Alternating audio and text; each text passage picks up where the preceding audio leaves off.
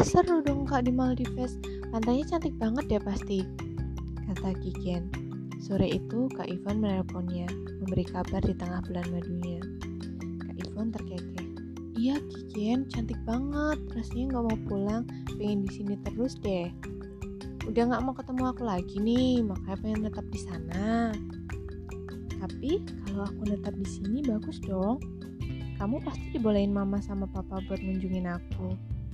Kikian tertawa. Oh, iya juga ya. Evan ya kak, di sana salam buat Kak Abi, aku harus berangkat kerja nih. Udah harus kerja, kan aku masih kangen. Aku juga masih kangen, tapi minggu depan udah selesai kok. Makanya ke restoran dulu, take care ya kak. Oke deh, kamu juga take care. Bye. Bikin berjalan ke ruang ke depan ruang transit dosen untuk berangkat bersama Prof. Gregory. Dua minggu terakhir ini pekerjaan Kikin makin menuntut. Ditambah Pak Bona yang saat ini tengah sakit, Kikin jadi harus kerja dua kali lipat. Beruntung Kikin dibantu Panca yang paham pekerjaan Kikin dan Pak Bona. Malam itu, ternyata butuh waktu lebih lama bagi Kikin dan Panca menyelesaikan pekerjaan mereka. Rekan tim yang lain sudah pulang dari sejam lalu, termasuk Prof. Gregory. Saat mereka keluar dari gedung, Kikin dikagetkan oleh suara seseorang. Lembur ya? Kikin menoleh. Sosok di depannya berdiri tegap sambil menyunggingkan senyum ramah. Revan jemput kamu? Tanya Mas Panca. Kiken kaget tak, tak bisa menjawab. Iya mas, Kiken saya yang jemput. Jawab Revan. Oke kalau gitu saya duluan ya Kiken, Revan. Panca berjalan menuju mobil berwarna merahnya. Kiken masih diam. Revan tersenyum. Ngapain lo di sini? Tanya Kiken. Jemput lo. Gak perlu, Revan tersenyum. Iye, gue tahu, tapi gue mau jemput lo. Dia berjalan mendekati Kikin. Yuk pulang, udah malam. Kikin menurut saja. Udah makan? Tanya Revan di dalam mobil. Kikin tetap diam. Gue tanya diem aja, dasar jutek, kata Revan. Lo kenapa sih? Kata Kikin. Udah makan belum? Udah. Makan apa? Roti. Pasti nggak kenyang kan? Ntar makan di rumah buat biar kenyang makan bareng gue mau ya. Gak mau. Udah jutek sombongnya bukan main. Heran deh kalau ada yang naksir lo. Lo jadi cowok juga cerewet naik-naik mulu. Heran kalau ada cewek yang naksir lo. Revan menghentikan mobilnya mampus gue. Revan menarik sabuk pengaman dan memasangkannya kepada Kikin. Jangan lupa pakai sabuk pengaman Kikin. Jantung Kikin berdebar kencang. Revan hari ini manis sekali Kikin tak sadar bahwa pipinya bersemi merah kalau nggak makan temenin gue ya. Nungguin orang bikin lapar kata, Revan Kikian diam masih berusaha mengatur detak jantungnya. Tumben diam aja. Emang nunggu dari pukul berapa? Pukul 7 mau makan apa? Roti bakar? Bukannya tadi udah makan roti nggak mau makan nasi. Nah ini roti bakar. Mau di Kemang atau di Sabang? Sabang Kikian sengaja memilih jalan yang berlawanan dari dari kini tengah mereka laju, lalui. Revan tetap menyetir dengan santai, mencari jalur untuk memutar. Setelah diam beberapa saat, Revan memecah keheningan. Waktu resepsi kakak lo, kita nggak sempat ngobrol. Cowok yang nemenin lo waktu itu si Davin yang pernah lo ceritain ya? Mungkin mengangguk. Akrab ya kalian? Iya, kan kenal dari kecil. Tadi juga akrab sama Mas Panca. Kan udah empat bulan kerja bareng, Masa masih canggung? Revan melirik ke arah Kikin. Mas Panja itu udah mapan, ganteng lagi ya. Iya, satu suku sama gue lagi. Jadi kalau nikah gampang. Mendengar jawaban Kikin, kaki Revan tak sadar menekan ke sedikit. Begitu disadarinya, ia kembali menyesuaikan kecepatan mobilnya. Revan berdeham. Memangnya gak mau nikah sama yang beda suku? Kikin mengangkat bahunya. Ribet nggak sih kalau nikah sama orang yang beda suku? Kak Ivan sama Kak Abi gampang-gampang aja tuh. Ya itu kan mereka. Terus kalau kita?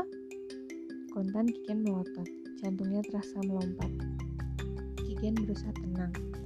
Ngawur. Ya jalan aja yang benar. Revan diam. Sesampainya di jalan Sabang, Revan memesan sate ayam, sementara Kikian memesan roti sirikaya. Karena ucapan terakhir Revan, Kikian jadi merasa canggung. Karena gue yang ajak makan, gue yang bayar ya, ujar Revan. Kikin mengangguk. Revan membalas dengan tersenyum. Mereka langsung pulang setelah makan. Sesampainya mereka di depan rumah Kikin, Revan hendak turun dari mobil. Kikin menahan Revan. Gue udah bilang bokap bakal diantar lo, lo gak usah turun. Revan tak jadi membuka pintu. Makasih ya udah mau anterin gue dan nemenin gue makan. Gue yang makasih karena lo bayarin dan diantarin. Ujar Kiken. Gue masuk dulu, Van. Kiken. Kiken menoleh. Revan menyodorkan sebuah surat beramplop. Kalau lo udah di kamar, baca ya. Ini apa? Surat. Baca aja kalau udah di dalam. Kiken mengerutkan dahinya. Oke deh, thanks ya. Kiken segera masuk ke rumah. Setelah menjelaskan mengapa ia telat kepada mama dan papa, Kiken beranjak ke kamarnya dan membuka amplop yang diberikan Revan. Isinya selembar kertas surat berwarna beige dengan tulisan yang agak berantakan. Kiken mulai membacanya. Dear Kiken Parasayu, apa kabar? Shit, kenapa juga gue nulis pertanyaan ini? Hmm, oke. Okay. Jadi gue memutuskan untuk muncul di hadapan lo malam ini karena gue berpikir lebih baik secepatnya gue ber beritahu lo. Terutama setelah percakapan kita waktu pemberkatan pernikahan Kak Ivon.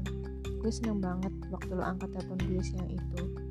Meski awalnya kaget banget karena belum apa-apa, gue udah dibentak-bentak sama lo. Dan gue makin seneng waktu lo ngajak kita ketemuan. Gue ngerasa masih ada harapan buat gue.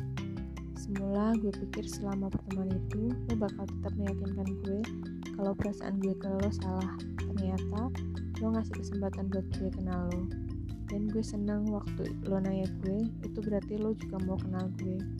Meskipun gak sebanyak gue pengen kenal lo.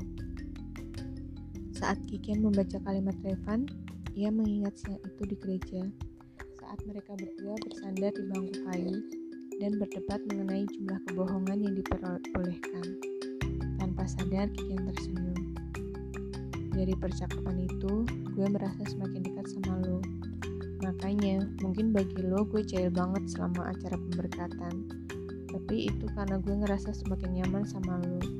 Tapi lo balas dendam sama gue dengan berdekatan terus dengan Davin setelah acara pemberkatan lo bersedia foto berdua dengan Davin tapi lo nggak mau foto bareng gue waktu Tara minta. Oke. Gue nggak akan bahas betapa jelasnya gue saat itu di surat ini. Para sayu mau jadi cewek gue kan? Revan Reino Kian terdiam. Ternyata Revan tidak berubah pikiran. Bahkan setelah pembicaraan panjang tempo hari sebuah senyum terulas di bibir Kigen dia bisa merasakan endorfin bekerja membuat seluruh tubuhnya berfungsi lebih keras. Dia kini bisa mencium bau, wangi samar dari kertas surat itu. Warna surat itu juga jadi makin menyala. Tulisan tangan Revan tidak lagi terlihat berantakan. Tulisan itu terlihat intim dan jujur. Bikin merasa bahagia. Ternyata ini yang bisa terasakan jika lo mau membuka diri lo. Sekarang dia punya alasan untuk menelpon Kak Ivon dan Tara karena selembar surat berwarna beige di tangannya itu. Ia tahu percakapan kali ini akan lama dan seru. Tara kembali tersenyum lebar. Revan harus bersabar menunggu jawaban dari Kiken. Seminggu kemudian, ponsel di kantongnya bergetar. Revan yang tengah membaca majalah otomotif di ruang tamu langsung melompat karena melihat si pengirim pesan pendek tersebut. Hatinya berdebar kencang. Ia langsung memencet tombol karena tak sabar ingin melihat isinya from Kikin Parasayu. Gue sempet bilang kalau gue bakal heran sama cewek yang naksir lo. Dan sekarang gue lebih heran karena gue mau jadi lo, cewek lo. thank you